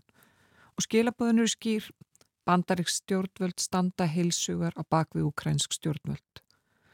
En eru einhverja líkur á þessu stríði fara að ljúka eins og Arþur Björgum Bollarsson rætti hér áðan að þá eru, eru hugmyndir þar hjá þjóðurum, ímsu þjóðurum að vilja bara að það sé farið að hefja fríða viðræður, hægt að senda vopn en það er nú sannilega talda litla líkur á að að Putin sé tilbúin í fríðar viðræður á næstunni en Rósa Magnúsdóttir, professor í Sakrfræði við Háskóla Íslands er komin til okkar. Velkomin.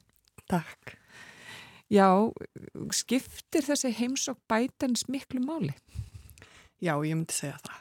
Hún skipt alveg gríðarlega miklu máli og bæði eins og þú varst að segja að hann er að lofa auknum stuðningi og, og það skiptir auðvitað máli bara í stóra samhenginu varðandi það hvernig alþjóðsamfélagið er að breyðast við og áfram en það skiptir líka máli með út af því að hann er fórseti bandaríkjana og við höfum nú oft verið að tala um hvað Pútín finnst gaman að eitthvað svona tákgrænum uh, stundum og þessi heimsóknir auðvitað skipulöð á sjálfan fórseta daginn og þá erum við ekki bara með Joe Biden sem er fórseti bandaríkjana og oft talað um fórseta bandaríkjana sem fórseta hins frjálslinda heims eða hins frjálsa heims heldur líka með Selenski sem hefur stíið inn á þetta alþjóðasvið sem uh, fórseti sem að bara heimsbyggðin lítur upp til Uh, hann náði þarna samina sína þjóð uh, á mjög hérna, ágerandi hátt og svo getur við haldið áfram og tala um hvernig í rauninni bara já, hinn vestræni heimur hefur líka saminast á mjög sérstakann hátt út af því að eins og við heyrðum til dæmis Utryggsráður Íslands uh, ræða núna frá munn hér fundinum að þetta stríði fara að snúast svo mikið um þetta þessi vestrænu gildi sem að haldi verður á lofti og það verður að styðja Úkrænu í þessu stríði því að það snúist um mikið meira heldur en bara yfir áð Pútins. Þetta snúist bara um það að fullvalda ríki eigi að hafa yfir áð yfir sínu landsvæði og, og þess vegna skiptir þessi heimsók máli. Og mér ástum líka skipta máli gagvart rúsum eh, því að sko þarna lappar bætin og sko alveg þessu sem er kannski svipað og hérna við höfum líka verið að horfa á Pútín með sólgleru og eitthvað rosa töffar að stæla. En bætin kemur hérna með sín sólgleru en gengur um meðal fólks, hann er ekki með leikara við hliðsér eins og Pútín þegar hann kemur fram og þykist vera að tala við almenning að þá eru þetta einhverjir leikarar sem eru settir hann í einhver hlutverk og uh, gengur þarna um meðfram þarna þessum vegg, minningavegg um uh, fallna hermenn í stríðinu við rúsa. Þannig að hann, uh, þetta skipti máli held ég bara í allar áttir og það var margt með tákgrænt við þessa heimsók.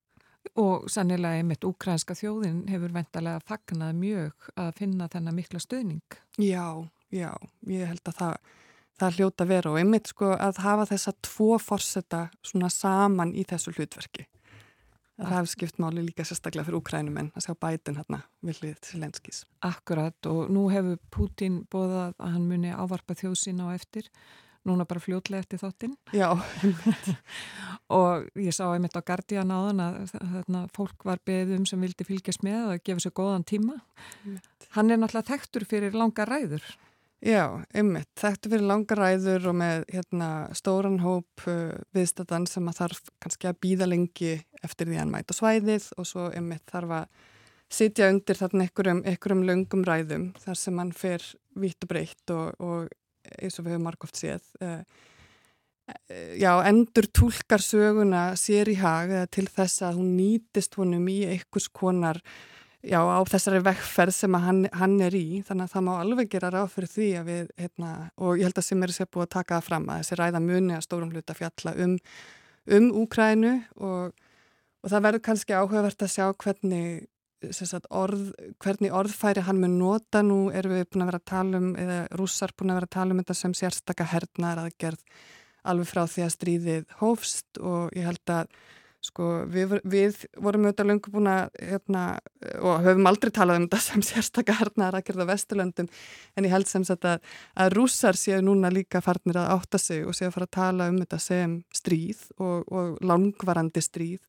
Og það er spurning hvort að Putin neyðist til þess að fara sagt, snúa orðræðinni í þessar áttir til þess að tryggja þá áframhaldandi stuðning í Rúslandi en, en það, já, ég ætla að hlusta. Eða fylgjast með En það var einmitt, við, þú komst, þetta rettir við okkur hér á morguvaktinni 23. februari fyrra og þá voru við einmitt að ræða bæði mjög langa ræðu sem hann hafði, Putin hafði flutt þá um sumarið og eins bladamanna fund sem hann, hann held nokkru dögum áður, held í mm. tveimu dögum áður og þar kom fram hans söguskýringar á, á Úkrænu er, er hann, hefur hann haldið þessu bara sömu hlutum áfram sagt, fram sem hann held fram þá? Já, já, já, hann hefur alveg sko fyrir ári síðan og í aðdraganda innrásarinnar að þá var hann alltaf að tala um þetta bræðralag millir úkrænumanna og rúsa sem hann nýtti til þess að réttláta eitthvað skonar yfirátt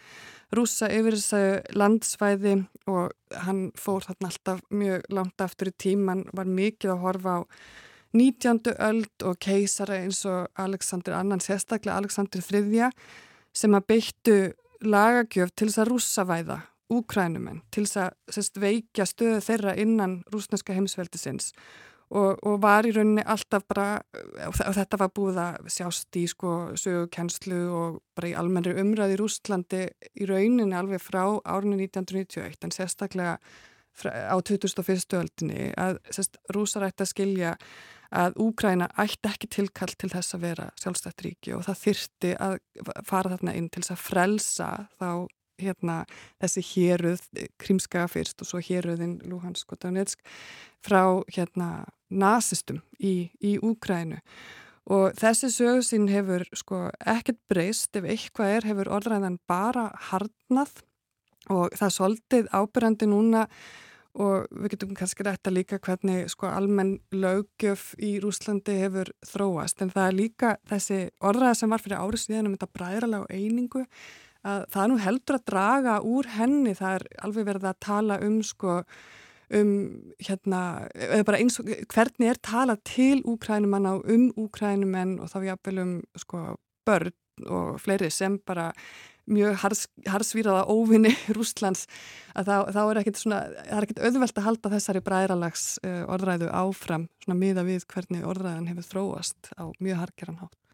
Og væntalega hefur enginn búist við hér fyrir ári síðan að þetta stríð myndi taka svona langa tíma að þú veist allavega það var, Putin talaði í rauninni eins og hann væri að fara að frelsa ymmit fólk og þetta tæki kannski bara nokkra daga Já, sko sko, það var nú mjög fljótlega svona í mars-april fara að tala um að þetta yrði langvarandi stríð þegar það myndi að sást. Þetta var engin skyndi árás og, og það sem kannski hefur komið alveg gríðilega mikið á óvart sko, það, það, það hefur komið á óvart hversu vel úkrænumenn hafa barist og það er alveg bara frábært og hefur ótrúlegt að fylgjast með árangri úkrænumanna í þessu stríði en svo hefur einmitt líka komið á óvart hvað rúsneski herin er illa í stakk búin til þess að berjast í þessu stríði og það var kannski þess vegna sem að líka einmitt fyrir kannski rúmlega ári síðan þegar var verið að horfa á þetta uppsapnaða herlið við landamæri Úkrænu að það var svo erfitt að sjá Pútín sagt, hagnast á innrás. Það var alveg augljóst að hann var með einhverjar hérna, hugmyndir um þetta En það var alveg fram á síðasta dag, voru mjög margir að vonast til þess að hann myndi ekki láta verða af því. Að því að það var alls ekkit augljóst að, að þetta yrði rúsum til góðs að ráða þarna inn. Og það hefur líka sínt sig að þetta er einmitt, sko, hann er með ílla þjálfa, þetta eru ekki atvinnu hermenn, þetta eru hérna, menn sem er búið að sækja einmitt oft kannski inn í bara fangelsi eða á bara mjög, hérna, og, og einmitt ítla mentað og þjálfað herlið sem er að berjast þarna fyrir rúsa þannig að það hefur ekki hérna, sagt, það er ekki vænlegt til árangurs í stríði án þess að ég sé hernaða sérfræðingur. En, en þá held ég að það hérna, og, og meðan að svona er um, komið fyrir rúsneska hernum að þá er heldur ekkert útlitt fyrir að þessu stríði muni ljúka neitt á næstunni Akkurat og hvað segir bara hinn almenni rússi í dag? Er, sko, rúsneska þjóðin hefur alltaf staðið þjætt við bakið á Pútín. Mm -hmm. Við höfum mhm. séð það breytast eitthvað, mm -hmm. en hvernig er, hvernig er bara hinn almenni rússi? Hvað segir hann? Sko, ég held að það sé aðeins minkandi stuðningur við stríðið í Rúslandi núna. Uh, og það kannski mitt, það eru, það tala um kannski um 200.000 hermenn hafi láti lífi, lífi rúsneskir hermenn í þessu, í þessu stríði. En sko eins og áður að þá er erfitt að segja til um hvað þín almenni rúsi er að hugsa. Um, þú myndist aðeins á hérna að í Þískalandi væri verið að tala um fríðaviðræður og það er aukinn stuðningu núna innan Rúslands við eitthvað svona fríðarviðræður í, við Úkrænu og sem að sko Selenski hefur auðvitað sleið algjörlóta borðinu og Úkrænum en vilja ekki e, neina mála miðlunar niðurstöðu í þessu stríði en það síni kannski að rússar eru farnir að hugsa um, um hvernig komst við útrúsu og hvernig getur við haldið áfram e, þegar þessu eitthvað tíman, eitthvað tíman líkur En það sem að þetta hefur gerst í Rúslandi síðasta árið og ég hef kannski hérna, verið að minna á í umræðum um rúsnest samfélag, sko það er hættulegt að tala illa um Pútín eða, eða, og ég tala nú um að tala illa um rúsneska herin.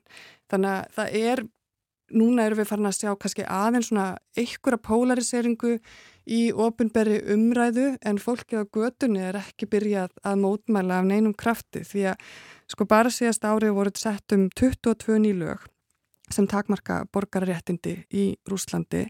Það voru bæði viðbætu við lög sem voru fyrir og eins og lögin hérna um útlenska agenda eða samkynniðan áróður en það er líka búið að koma á ymsum nýjum lögum og vika út hefningalögin og svo framvegis. Og það er til dæmis þetta með að koma óorði eða ræja rústneska herin. Og sko það búið að handtaka alveg upp undir ja, rúmlega 20.000 manns í svona pólitískum handtökum sem snúast eil allar um mótmæli gegn stríðinu. Og sagt, sé það búið sama við árina undan að þá er orðið hættulegra að mótmæla í Rúslandi en það var áður. og það eru auðvitað alveg gríðlega mikil eh, rýtskoðun og við sjáum þetta á öllum stífum. Við sjáum að það er verið að handtaka og dæma fólk og jáfnveil börn fyrir ummæli á samfélagsmiðlum. Þannig að börn og unglingar í Úslandi í dag þurfa að virkilega gæta sín, kannski eins og börn og unglingar allstað sem þurfa að vera að gæta sín á því hverju þau dreifa á samfélagsmiðlum en í Úslandi er nóg að dreifa bara einhverjum upplýsingum um gangmála og þá kannski að eitthvað gangi ekki nógu vel eða eitthvað hafi frest af vikstöðunum sem að lítur ekki nógu vel út fyrir úslandska herin að þá er búið að dæma börnir í 7 ára aldur í Úslandi fyrir svona ummæli. 7 ára aldur? Já. Það eru, það eru nokkur dæmi um, um börn sem eru þá hérna, uh, látin svara fyrir uh, þessar, þessar aðgerir og, og mitt, sko, það er nánast ekkert borgarlegt samfélag eftir í Rúslandi uh, við fylgdust með því þegar mannreitindasamtökunum um voru í alva lokað og þau voru bara eina fjölmörgum. Dómsmálræðindi lokaði alþjóðlegum og útlenskum stofnunum sem hafði skrifstofur í Rúslandi og það er eiginlega ekkert fjölmjölafrelsi í Rúslandi og það er kannski það sem að Sagt, það er búið að handtaka 140 bladamenn bara fyrir að fjalla um mótmæli, búið að stimpla stóran hlutaðra sem erlenda agenda og miðlar fá sektir fyrir að dreifa því sem er kallað falskar upplýsingar eða bara fyrir að ræja og lasta hérinn og svo er vefsum hérna, lokað í, eða blokkaðar alveg í hundrað þúsunda tali. Þannig að aðgengi rúsa að upplýsingum um þetta stríð og um gangmála er enn sem fyrir mjög takmarkað og þeir sem að reyna einhvern veginn að mótmæla að, að þeir eru að setja sig í hættu. Akkurat og ég mitt var að hlusta hlaðvarpudaginn og það sem maður var verið að tala um að meiri segja sko fólki er bent á til dæmis háskóla studentum að tilkynna félaga, skólafélaga sína ef þau eru með orðræðu sem ekki þykir nú höll undir Putin. Já, einmitt einmitt, það er og það er orðið svoleiðis hugmyndur um að það sé einmitt verið að koma upp um þá sem að bara að segja skoðanir sínar og það getur einmitt verið bara í skólastofunni eða bara í spjalli við, við vinnufélagi eða nágrana. Þetta minnir ans mikið á Stalin-tíman að því að þetta viðgekst þar og skapaði einmitt svona samfélag þar sem að það var svo mikil hérna e, það var alltaf einhver grunur um að fólk væri annarkvort uppljóstrari eða, eða þá í einhverju andofi og gerði það verkum að það var mjög erfitt að, erfitt að eiga eðlert daglegt líf í svona samfélagi, svona allræðis samfélagi eins og samfélag Pútins vissulega er. Akkurat og það er náttúrulega bara einmitt verið að dæma fólki í fangabúður, fangabúða vist fyrir að tjá sig um þessi mál. Já. Svona eins og við sáum á Stalin-tímanum með gúlækið. Já, einmitt, einmitt og það er svona þessi ótti og hræðsla við sagt, það að, og, og ég heyri það sko frá mínum svona, mínum kontaktum í Rúslandi og það eru auðvitað sko að því að það hefur alveg orðið mikið flótti, mikið af hérna rúsum sem hafa flúiland og kannski hefur komið svona í ykkurum bylgjum eins og þegar það var þarna þessi almenna herrkvæning að þá sáum við líka rúsa, rúsa fara og, og þeir komast í burtu en þá uh, sagt, það er ekki beint flug frá Moskvi til Parísar eins og var en þeir komast til Parísar í gegnum Armeníu eða, eða önnu lönd. Og ég heyrið alveg að það er svona sagt, kannski þessi svona kynstlóð miðaldra rúsa er mikið að hugsa um það að koma börnunum sínum í skjól og í burtu og þá einmitt út frá þessari hugsun að þetta stríð sé langvind og afleðingarnar verði skjálfilegar fyrir rúsnest samfélag. En, uh, en það er líka einmitt að vonast kannski til þess að þegar að Pútín tímanum muni ljúka og honum muni eitthvað tíma ljúka og eitthvað annað mun taka við að þá, að þá verði lífvænlegt aftur í Rúslandi að það verði hægt að, hérna, að og fólk er bara að hugsa þetta á mjög svona praktiskum á praktiskan hátt, það á kannski ykkur að fastegn og, og það er ekki auðvelt að selja hana í Rúsland í dag og þá um þetta hugsa um að það getur kannski eitt ellinni aftur í ykkus konar Rúslandi þá sem er ekki eins og Putin, Rúsland Putins. Og við erum einmitt að sjá sko að einn helsti bandamæður Putins í dag er veitikasali Jevgeni Príkósíns, ég get nú ekki borðið þetta fram. en þetta er sæs að veitika, maður sem að rak veitikahús í, í, í Rúslandi áður og stýri nú sæs að Vagnarhóknum mm -hmm. það sem að er her, herlið hans sæs málaliðar og fangar. Og svo reykur hann líka falsfrettafstofur sem dæla inn upplýsingaóreiðu á netið um, stö, um, um stöðumála. Hvað með, er, er þetta hefur orðið breyting á þessum stuðningi eða svona þessum Pútín tristir, svona einsti kjarni Pútins?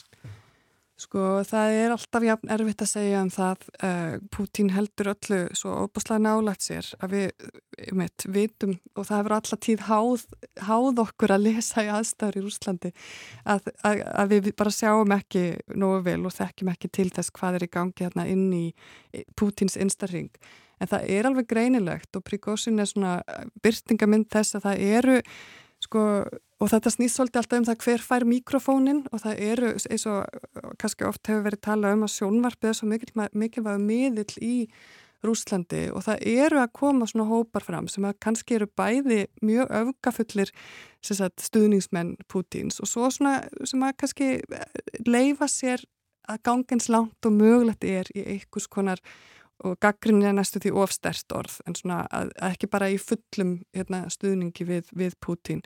Og það er svolítið áhugavert að fylgjast með þess að því hver fær þennan mikrofón og Prigozhin er núna greinilega hérna, fær mjög mikla aðtikli og Og ég veit ekki alveg hvað skal segja, það, getur, það verður áhugavert að fylgjast með því einmitt núna og núna þegar Pútín ætlar að stiga fram eins og í dag og, og hver verða viðbröð þá manna eins og hans príkósins við, við svoleiðis hérna, ræðu. Akkurat.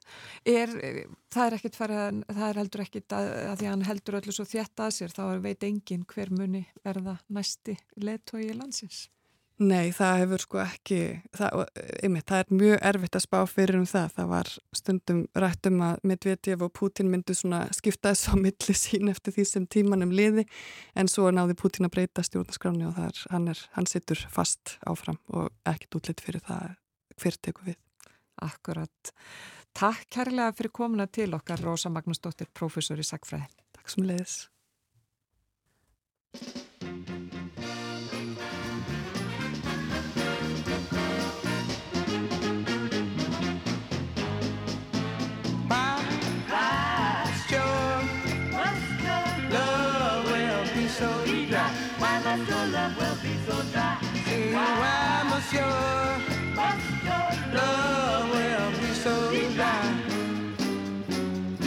I just lay here crying for you. What a fool I am asking for walls what to do. Feeling my whole world turn to dust. Hungry for somebody's tender touch. Sweet, sweet baby, you can glimpse my heart. I'm just like I can glimpse my thirst and see why. Mm, love will be so dry. Tell me why. Must your love will be so dry. Man, you boast and swear by my love, but I ain't got nothing to be sure of no more. Wondering if you ever loved me, if it's still there. It's just like hanging on the empty air. I say, why, why, why, why,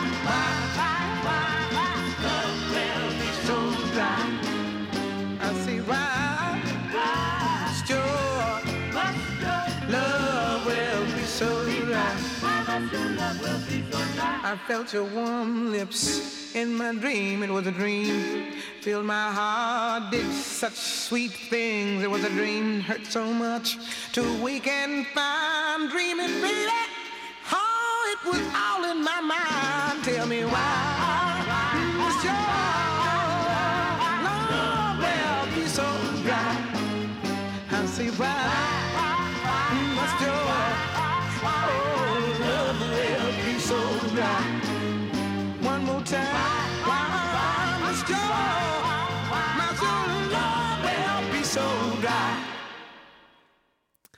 Þetta var lagi Why Must Your Love Well Be So Dry með Nínu Simón og þetta er annar lagi sem við spilum með henni í dag. Þetta lagi frá 1967. Nína Simón fættist á þessum degi fyrir 90 árum síðan en hún lest 21. apríl árið 2003 úr krabbameini og þá búsett í Fraklandi. Og það var einmitt fjallað um blötu hennar High Priestess of Soul frá 67 Í Vínil vikunar Þorgerau Siguradóttir var fjallaðum þá blötu síðasta första. Mæli með því hlusta á hann í spilar og rúf. Nokkur rættum innrás rúsa í Úkrænu í þættinum í dag. Hér áðan uh, við Rósu Magnúsdóttur, professor í sagfræði og uh, fyrirvirð Artur Björgvin Bodlason í Berlín. En enn fyrir morgun var hér Þórðusnar Júliusson, við töluðum um stöðuna í kjaradeilu, samtaka atunlífsins og eblingar og töluðum líka um laun nokkura forstjóra í íslenskum fyrirtækjum, dæmi um hildargreðslur upp á næstum 20 miljónir á mánuði. Það var líka lesið úr kommunista ávarpinu í þættinum í dag 175 ár frá því að þeir Mass og Engels sendu það frá sér á sín tíma. En lengri verður þáttur en ekki. Björn Þóru Guðrún þakkar samfélgina. Við verðum hér aftur í fyrramálið. Veriði sæl.